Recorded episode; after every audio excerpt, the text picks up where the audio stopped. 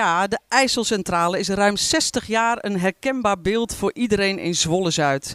Inmiddels is de energiecentrale gesloopt, maar hoe moet het met het gebied en hoe gaat het er in de toekomst uitzien?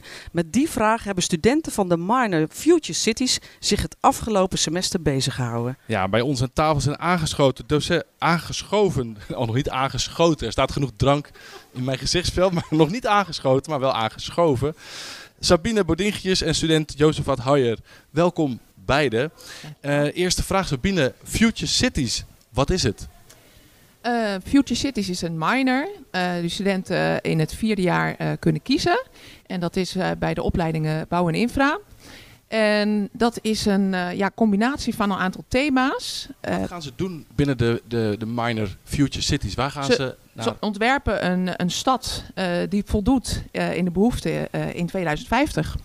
Dus we gaan een stad maken voor de behoeften van mensen in 2050. Correct. En waar moeten we dan aan denken, Sabine? Dan hoe ziet het eruit? We, ja, dan denken we aan uh, uh, hoe is je food supply geregeld, je waste management, maar hoe houden we droge voeten? Dus hoe is, uh, gaan we om met, met klimaatverandering?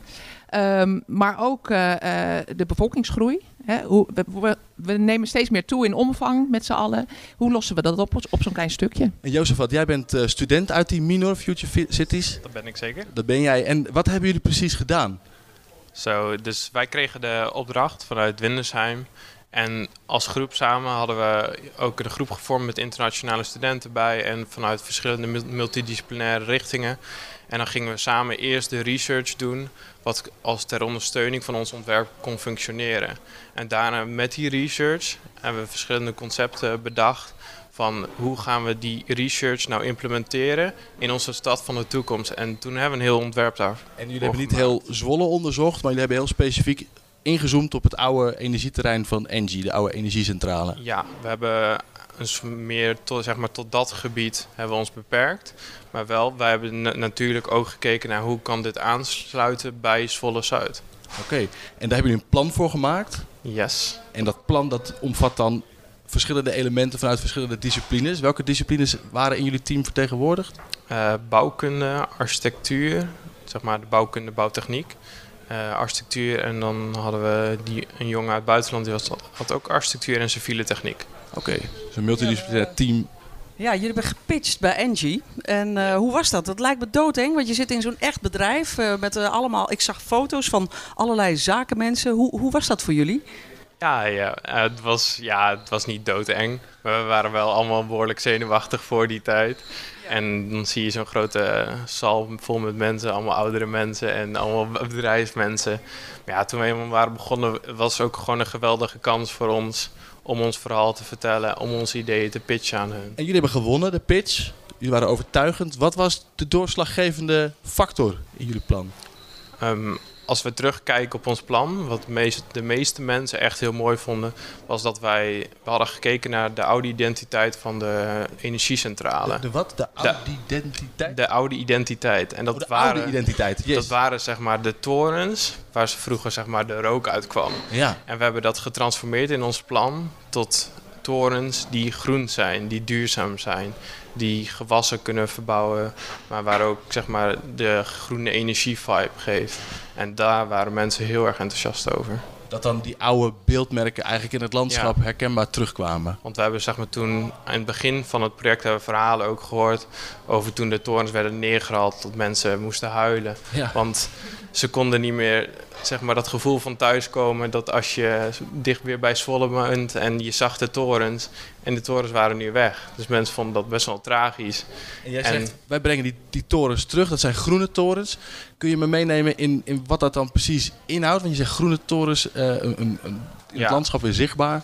Ja, dus het idee van ons was van... De torens waren eerst dus voor een energiecentrale. Dus eigenlijk donker, dus zwart. Ja, dus CO2 uitstoten. Ja. We willen dus die torens willen we een andere functie meegeven.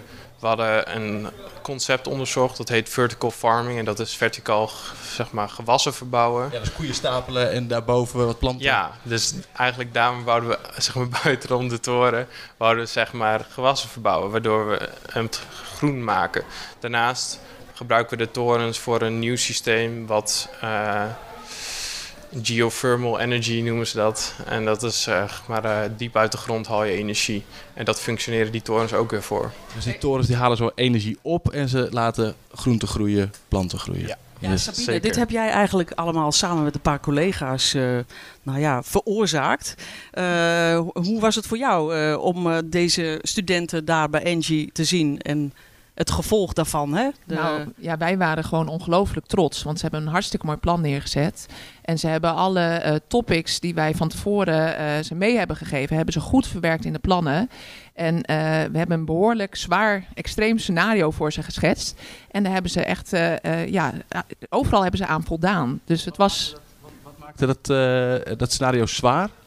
Um, nou, we hebben bijvoorbeeld uh, uh, gezegd het moet een energie-plus uh, locatie worden. Dus het moet energie opleveren. is ook ah. echt een visie vanuit Engie, de opdrachtgever, is meegegeven.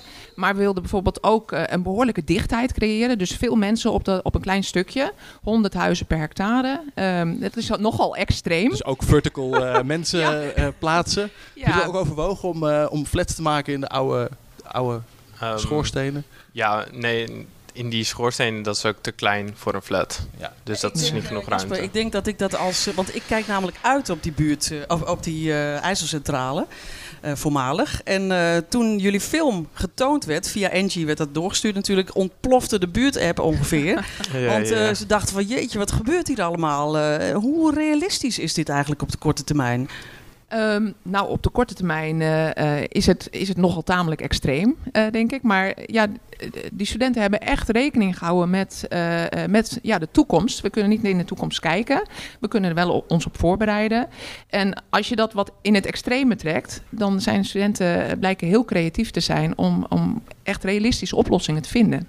En, en, is er iets waarvan je denkt, nou, dit, dit ga je toch wel binnen nu en tien jaar, ga je dat ergens zien uit het prachtige ontwerp van hun? Ja, nou, vertical farming is al, uh, wordt al op veel plekken gedaan. Um, en ehm, ja, we hebben te maken met een uh, stijgende zeespiegel. En uh, ja, daar worden ook al allemaal drastisch maatregelen voor genomen. Dus uh, ja, dat, dat is gewoon nu aan de hand. Ja, okay. Zo gek is het niet. Nee. hey, en, ehm, want wordt het doorgezet eigenlijk? Want je, je zit, dit wordt allemaal verpakt in een mini-minor. Ja. Hè, dus de, van 15 EC. wat, is jullie, wat is het volgende project? Gaan ze weer bij Engie iets presenteren? Of? Dat weten we nog niet. Maar wij hebben vorig jaar met een hele groep stakeholders, die dit jaar dus ook weer daarbij aangesloten is, hebben wij een andere locatie gedaan, Breekamp West.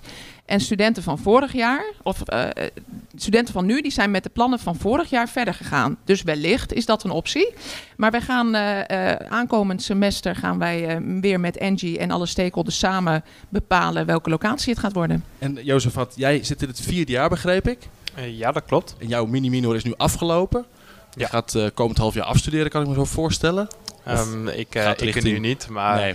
een uitzondering. Uitzondering. Ja. Je gaat, een, uh, je gaat een, in een, een, ander project verder of met andere taken ja. verder. Uh, wat is voor jou de volgende stap die jij wilt doen? We hiermee doorgaan? Heeft Engie al een baan aangeboden? Engie heeft mij jammer genoeg nog geen baan aangeboden. Maar sowieso mijn interesse lag al gedeeltelijk al in de projectontwikkeling. Dus eigenlijk dit hele project sloot daar zeg maar feilloos bij aan. En dit heeft mijn interesse alleen maar meer aangesterkt om hier ook in de toekomst mee verder te gaan. Mooi. Dankjewel. Dank jullie beiden voor jullie aanwezigheid hier in Studio Windesheim. En we gaan uh, Zwolle Zuid goed in de gaten houden. En uh, ik denk Claudia van achter de geraniums heel erg goed met de buurtheb in de hand. En uh, we hopen er in de toekomst wat van terug te gaan zien. Dank jullie wel. Dank jullie wel.